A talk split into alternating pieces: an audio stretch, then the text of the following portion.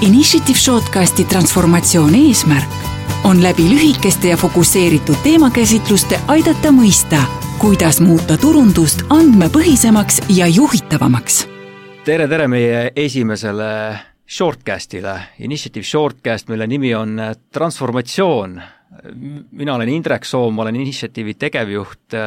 minu teisel pool lauda on mu head sõbrad, kolleegid Tanel Rebane, kes on uue Baltikumi ja Skandinaaviat haarava analüütikaettevõtte Analytical Alley kapten ja üle laua istub Karl-Mattias Õige, kes on Initiative'i turundussuuna juht, ehk siis äh, online analüütika spetsialist. tere, tere! minu jaoks ülimalt äh, erutav ja pidulik hetk, et ma kunagi tahtsin saada raadio DJ-ks nagu Märt Rannamäe, õnneks ma ei saanud selleks äh,, istume siin ja räägime hoopis turundusteemadel ja meediateemadel ja transformatsioonist. ma arvan, et päris paljud mõtlevad, et, et pagan, mis, mis, mis transformatsioon, et millest, millest need vennad jälle siin äh, jahuvad, et et me ei taha kindlasti lugeda mingit akadeemilist ja sellist väga või liialt, liialt ma ei taha öelda tõsiseltvõetavat, aga tõsiseltvõetavat nad kindlasti, aga aga, aga jah, sellist akadeemilist loengut, et tahaks rääkida oma kogemusest, meil on kaksteist aastat meediaagentuuri vedamise kogemust, sellest kümme oleme fokusseerinud väga selgelt turundusanalüütikale ja kaks, ei tegelikult kolm aastat väga selgelt juba sellisele performance analüütikale, kus on mängus big data, statistilised mudelid ja, ja tegelikult mida mida me, mida me oleme püüdnud aru saada, on see, et kuidas turundus päriselt toimib, ehk mis on turunduse roll äritulemuste saavutamisel. ehk see võiks olla lühikeselt öelduna selle transformatsiooni mõte, kuidas muuta oma mõtteviisi ja ne-, sellest lähtuvalt tegevusi, et aru saada, kuidas turundus tegelikult töötab ja kuida-, ja kuidas seda parem juhtida oleks. Tanel, sul on kindlasti väga tugev kogemus, et kuidas, kuidas sa näed, et mis, mis siin selle, see erinevus võiks sisuliselt olla? no seda me teame, et tegelikult lõppeesmärk on ikkagi käive ja müük ju, et äh, meil ei ole tähtis, kas tuleb saada terpi, vaid mis, mis on see lõppresultant äh, selle, selle tulemusena. Ehk sel planeerimine, et kui me teeme näiteks reklaami, inimesed näevad, nähtavus on kõrge, aga inimesed pole aldid ostma, no ütleme nii, et teemegi lumelabidatele teeme suvel reklaami, ma usun, et see võiks viraliks ka minna, väga palju nähtavust, ma usun, et äritulemustele meile see võib-olla keegi ostab lumelabida ette. ja nagu. kindlasti nagu..., ja kindlasti ka sügisel ostetakse, on ju, aga kampaania tulemusi tihtipeale mõõt-, mõõdetakse, on ju, nädal-kaks pärast seda, eks ju, et, et äh, jah, mis ongi see just äh, ka pikaajaline efekt, et tegelikult me ei saa ka seal ka öelda, et see oli halb kampaania ilma vaatamata ja analüüsimata pikemat perioodi. aga mis näitabki seda, et äh, nähtavus on ainult siis oluline, kui inimesed ka altid ostma, et mille pärast me leiamegi, et peaks mitte planeerima otseselt meediamõõdikutele, vaid siis juba ka ärimõõdikutele, et äh, mitte ainult, kui palju meil kerpi-terpi tuleb, vaid me teame, et me tahame mingit käibenumbrit saavutada, mida me siis te selleks tegema peame ja mis meediumites ja kui palju, ja seal saab tegelikult juba äh, klient öelda, kas ta on talle okei okay investeering äh, või mitte. Ehk siis ühesõnaga, et, et nähtavuse saavutamine on küll oluline, aga tegelikult on veel olulisem aru saada, et missugune nähtavus teatud äritulemust kõige tõenäolisemalt võiks, võiks tuua ehk siis kas võib, kas võib öelda jälle natukene lihtsustatuna niimoodi, et et me peaksime alati meedia panema konteksti, sellepärast et meedia, samamoodi nagu turundus ei ole mitte kunagi konstantne selline suurus, ta ei ole muutumatu, ta on kogu aeg ajas muutuv, ütleme, organism või või arenev organism ja, ja sellest lähtuvalt tuleks ka tegelikult planeerida oma kampaaniaid, oma meediategevust ja seda enam konkurentsisituatsioonist lähtuvalt, mitte ainult no, näiteks naturaalsusest, naturaalsest nõudlusest lähtuvalt, mille kohta te tõite mm -hmm. väga hea selle nii-öelda labida näite, aga ka konkurentsisituatsioonist lähtuvalt, et samal ajal, mida konkurendid teevad, et et, et meedia kui selline ei saa olla nii lihtsakoeline, et me paneme selle kanvasesse või raamistikku ja ütleme, et kuussada terpi näiteks on teles väikese intensiivsusega kampaania, kaheksasada kuni tuhat on siis äh, võib-olla selline keskmine, optimaalne ja noh, tuhat kakssada on siis väga intensiivne kampaania, et, et kas see, kas see on liialt lihtsustatud? Äh, ma leian küll, et äh, selles mõttes kõik oleneb sellest, et kas see intensiivne või keskmine või see on kasumlik, täpselt ütlesin, me ei ole isolatsioonis meediaga, tegelikult on seal juures, et Mahla näide, et me teame, et meie ostuotsust küll mõjutab meedia, aga mõjutab ka äh, ilm, kas oli väga palav ilm äh, või siis äh,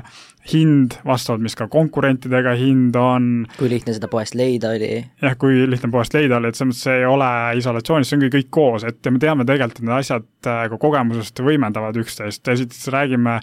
allahindlustest ja meediast, et kindlasti peaks olema see seotud omavahel, sest allahindlus on tehniliselt marginaali äraandmine, et kui seda teha ilma meedia toetuste ja ilma muude toetusteta, siis sa tegelikult tehniliselt annad lihtsalt oma raha ära sealt, et sa peaksid panema kõik selleks, et seda võimendada, mis näitab seda, et see peab olema mõlemapoolselt planeeritud äh, koos, et äh, müüki saa tegeleda üksi ja ka meedia pool ei saa tegeleda üksi ja sellest tulenevalt olenebki, mis on tegelikult äh,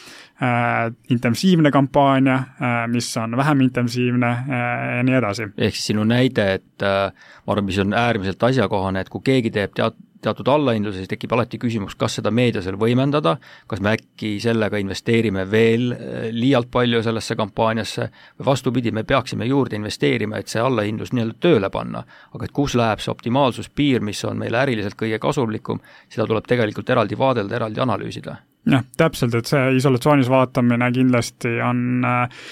selline, mis ei too head äri, äritulemust. Äh, mulle endale meeldib äh, üks näide meie endi tööst, et do it yourself sektorist, kus kus noh, nagu te kõik ilmselt olete märganud, on kaks giganti, kes omavahel siis äh,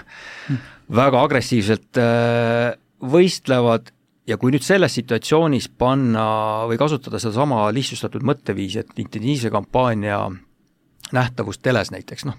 lihtsalt räägime praegu telest, on näiteks tuhat kakssada terpi, siis ilmselgelt kes, kes iganes seda, seda lähenemist oleks kasutanud, oleks väga, väga arvestatavalt kaotanud, sa, sest, sest üks nendest konkurentidest tegi samal ajal viis tuhat terpi. ehk siis küsimus tekib alati, et kas me peaksime sama palju tegema või peaksime vähem tegema või, või peaksime rohkem telet kasutama, et nähtavust konkurendist äh, äh paremat saada, et, et Tanel, oled selle case'iga hästi kursis, et natukene võib-olla avad neid tagamaid, et mis, mis sellise lähenemise mõte on, et et äritulemust maksimaalselt äh, garanteerida? Äh, see on võib-olla just hea näide selle puhul, et äh, analüütika on äh, progresseeruv, me leiame sealt midagi, äh, mis on oluline, et me teame, et mõnede klientide puhul tõesti konkurentide meedia ei mängi väga palju rolli, aga selle kliendi puhul äh, just meedia efektiivsus, meedia mõju ongi see, mis on tingitud konkurentide tegevust ja kuidas sa oled nendega suhtes sealtpoolt mm. -hmm. täpselt see ongi, et kaheksasada terpi äh, ühel nädalal äh, on väga erineva tulemusega kaheksasada äh, terpi teisel nädalal, kui konkurent investeeribki väga palju üle ja analüütika aitaski meil leida täpselt strateegiad, mida koostada vastavalt kliendi eesmärkidele, kas on eesmärk hoida ära kliendi või konkurendi negatiivset efekti või võimendada selles mõttes, et võtta kliendid konkurendilt ära. täpselt terp-tasemed sellele, mis on ka strateegia sealt ja vastavalt äri eesmärkidele, mitte lihtsalt lihtsalt, et ostame nüüd äh, kaheksasada äh, terpi. Mattias, sul on kindlasti väga häid näiteid ja oma seisukoht selle kohta, et kuidas, kuidas online'is äh, tulemused sõltuvad kontekstist ja teistest tegevustest, sest noh, mida tihtipeale kiputakse tegema, on see, et vaadatakse Google Analyticsit, vaadatakse last click'i ja antakse sellele mingi tohutu selline väärtus, et kas seal on võiks olla natuke laiem, laiem taust ja laiem selline nii-öelda vaate, vaateväli, mida, mida jälgida? kindlasti võiks ja suisa peaks, et seesama Taneli mainitud isolatsioonis kanalite vaatamine võib olla niisugune väga eh, libe tee ühele brändiomanikule või, või kaupmehele. Eh, põhjus väga lihtne, et, et eh, mingid, mingid tegevused, näiteks võtame Google'i otsingutegevused, mitte küll meie endi, kuid Inglismaa näite põhjal öö, omab tele kampaania kahekümne üheksa protsendist mõju otsingu öö, päringute arvule ja otsingu päringute arvu hinnale. ehk siis lühidalt, kui vaadata ainult Google Analyticsit, siis nendel nädalatel, kus tele aktiivne oli, hurraa, pakkuge otsinguspetsialist ütleb, et hea töö. just, otsingu, otsinguspetsialist äh, tõstab käed üles ja ütleb, et, et kus on minu palgatõus ja mina olen teinud super tööd, on ju, et kui me neid asju nagu kontekstis ei vaata, siis ei saagi neid asju teha. ja tihtipeale see viga võib-olla, mis tehaksegi, ongi see, et, et neid tekke hakatakse siis sikutama nende koha peale, mis on need viimased kanalid, mis meil kõige paremini konverteeruvad ja mm -hmm. ja sealt juba lähevad asjad nagu väga niisuguseks lühiajaliseks ja see on iseenesestmõistetav, aga neid faktoreid, mis meie nagu tegevuste tulemusi mõjutab, on, on väga-väga väga palju erinevaid, lisaks noh, sellele, mis Tanel eelpool tõi, on ju noh, erinevad nii kuised kui ka nädalased sessoonsused, ilmad, palgapäevad, et you name it, neid, neid mõjusid, millega arvesse võtta tuleks sellise holistilise planeerimise juures, on, on, on väga palju ja, ja, ja pelgalt nagu niimoodi Google Analyticsi põhjal planeerimine, ma arvan, jääbki loodetavasti juba viimasesse kümnendisse ja ja, ja, ja sealt edasi võiks asi nagu laieneda palju mitmetaolisemaks. Kui me alustasime seda jutuajamist sellest, et me võiksime rohkem vaadata äritulemusi ja anda äritulemuste saavutamiseks meediale õige väärtuse, siis äh, sellest väärtusest rääkides, ehk siis erinevate meediategevuste, erinevate formaatide, erinevate meedialiikide mõju äritulemusele, sellest rääkides mulle, mulle väga meeldib äh, tegelikult äh, üks teema, mida sa, Mattias, võiksid käsitleda natuke praegu avada, on see, kuidas me täna otsime kaotatud telekatvust, katvusele asendust, ehk kus me saame näiteks äh, need noored kätte, keda me telest enam ei saa kätte ja ilmselgelt on YouTube esimene kanal, kuhu poole vaadata, ehk siis kuidas me täna peaksime YouTube'i kasutama, et äh, saada see katvus tagasi ja, ja selliselt, et sellel oleks samaväärne mõju ka müügile mm,? Noh, või lahti, siis brändile. kui, kui lahti mõtestada see küsimus teistpidi, et, et kas äh, tele on sama efektiivne või võiks olla sama efektiivne kui YouTube, siis niisugune face value versus, äh, versus face value, äh, terp versus terp, seda ta ei ole ei ole nii kampaania mäletamise koha pealt kui ka siis analüütikast tuleneva ROI mõju koha pealt mm, -hmm. Äh, ja, ja põhjuseid seal on väga palju erinevaid, juba see kontekst, kuidas me vaatame kodus mõnusalt diivani pealt telekat versus tihtipeale väikselt ekraanilt äh, sõitke Tallinnas linnaliini bussidega, vaadake, kui palju Youtube'i või muid sotsiaalmeediarakendusi seal scroll itakse. et see valmisolek seda infot tarbida on äh, oluliselt teistsugusem, lisaks sellele, et see klipp, mis tihtipeale seal eetris on, on üks-ühele sama, mis ta on teles, see arhitektuur ei sobi sinna ja, ja noh, selle tulemusena ta ei saagi seda efekti saavutada. teine asi on see, et ähm, iga niisugune mm, pädevam äh, Google Adsi kasutaja teab niisugusest tööriistast nagu Reach Planner, kus saab välja võtta siis terbi hinna ja tihtipeale arvatakse, et äh, Youtube on ilgelt odav kanal, kuhu minna et sinna saab minna hästi väikeste eelarvetega hästi pikaks perioodiks ja nii edasi. aga mis see tekitab, on see, et see ei saagi tekitada mingit niisugust laiapõhjalist äh, lävendit, mis tekitaks üldse mingi mõju meie käibele või mis, mis annaks nagu selle, selle ähm, ähm,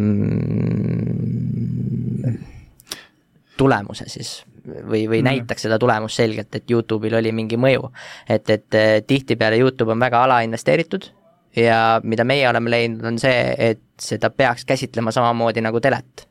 mm -hmm. mahtude mõttes mm -hmm. ja, ja siis sellel kanalil võiks olla mingi väärtus. nii et mis selle sinu mõtte lühike kokkuvõte võiks olla see, et YouTube on kindlasti väga hea alternatiiv telele, aga seda tuleb õigesti kasutada, et e-, ehk siis, et YouTube'i üks kontakt ei ole võrdväärne telekontaktiga. kindlasti mitte. ehk siis seda tuleks, sinna tuleb piisavalt palju investeerida, ja see investeeringu suurus sõltub ju sellest, et mis on see sihtrühma suurus, kui palju kontakte me mm -hmm. tahame kätte saada, pluss kui palju kordi me tahame seal näidata ühele inimesele reklaami yeah.. ja YouTube'is tuleb nõks rohkem reklaame näidata kui teles. ehk see on siis tegelikult see lihtsustatud kokkuvõte. noh, selleks, et saavutada kohta. samasugust käibeefekti mm, -hmm. siis jah ma ise tooksin, ma arvan, et hästi huvitava poole veel sisse, et, et no nii-öelda lihtsustatud mõttest, mõtteviisist, et tihtipeale ma kuulen ikka veel seda, seda mõtteviisi et, et kuuskümmend protsenti eelarvest võiks minna brändiarendusse ja nelikümmend protsenti siis müügikampaaniatesse. ehk siis me räägime jälle sellest, et, et kogu, kogu tegevus, nii-öelda meedia kui turundustegevus tuleks panna konteksti, et me ei saa, me ei saa võtta lihtsustatud selliseid nii-öelda template'e ja raamistikke ja kanvaseid, eh, kuhu sisse me surume siis oma tegevused, et, et kuidas me saame öelda, et igale brändile, sõltumata sellest, mis, mis nii-öelda elueas või arengufaasis ta on, me peame kuuskümmend protsenti eelarvest eh, investeerima sellele, brändi arendusse, et siis, siis, siis see on õige ma toon, ma toon hästi lihtsa näite, et kui meil on täiesti värske upcoming bränd, siis äh, kõik sõltub eesmärkidest. kas me tahame arendada brändi ja meil on äritulemused äh, teisejärgulised või me tahame kohe tekitada äritulemust ja bränd, brändi kasvatamine on siis sekundaarne selline eesmärk, et ehk, et me peame jälle panema oma tegevused ja eesmärgid kon-, konteksti või tegelikult me peame eesmärgid üldse seadma endale ja siis äh, kalkuleerima kui palju me paneme brändiarendusse,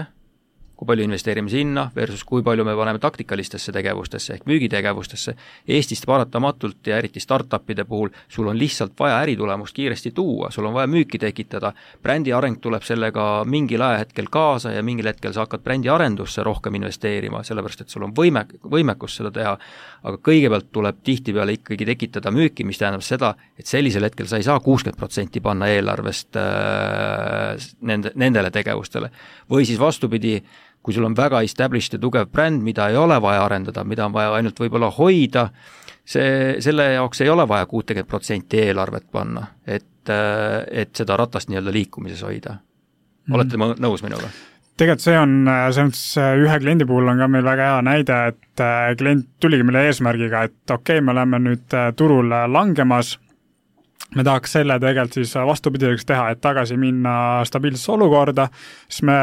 planeerisimegi düna-, dünaamiliselt, et me teadsime, et on vaja algust tulla kõrgemate investeeringutega, brändiga, et see uuesti üles tuua ja siis me saame tegelikult pärast vähendada ja tegelikult olla sama stabiilselt edasi mm. -hmm. et äh, ROI nii-öelda kasvas, et alati selline brändi ja müügi pool on, üks on lühike eesmärk, teine on pikk eesmärk, et äh, brändi tegemine tundub alguses suur kulu, sest see ei too meil kohest nii suurt müüki juurde, aga pärast jällegi on meil äh, müügikampaaniad äh, kõrgema ROI-ga, kui seal all on juba bränd, et tegelikult äh, see nii-öelda alati mõlemas suunas jooksmine, saada müüki ja brändi samal ajal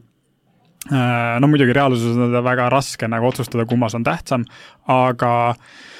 põhimõtteliselt äh, võtta üks peamiseks eesmärgiks ja teine võtta siis alternatiiveesmärgiks ja vastavalt selle alusel jagada need äh, investeeringud seal. just. aga meie esimene shortcast hakkab läbi saama kokkuvõtvalt, mis me tahame, et siit kõlama jääks, et ärme räägi ainult meediamõõdikutest, vaid paneme meediamõõdikud ärikonteksti, ehk kuidas me ikkagi saa-, saame garanteerida võimalikult Äh, hästi äritulemust ja missuguseid meediastrateegiaid, meediainvesteeringuid, meediakasutust me peaksime selles, selleks siis viljelema, et, et tagada just äritulemust. ehk meedia ja turundus ei ole muutumatu suurus, mida me kogu aeg ühtemoodi kasutame, vaid asi sõltub eesmärkidest, asi sõltub kontekstist. ehk see ongi meie selle transformatsiooni mõte, et äh, muudame natuke mõtteviisi, muudame seda, kuidas me vaatame turundust laiemalt ja turundust spetsiifilisemalt ja, ja kuidas seda teha, sellest räägime juba järgmisel korral. igal juhul Tanel ja Karl-Mattias, ma tänan teid, kuuleme juba kahe nädala pärast ja kõigile teistele ilusat äh, sügise jätku ja varsti on jõulud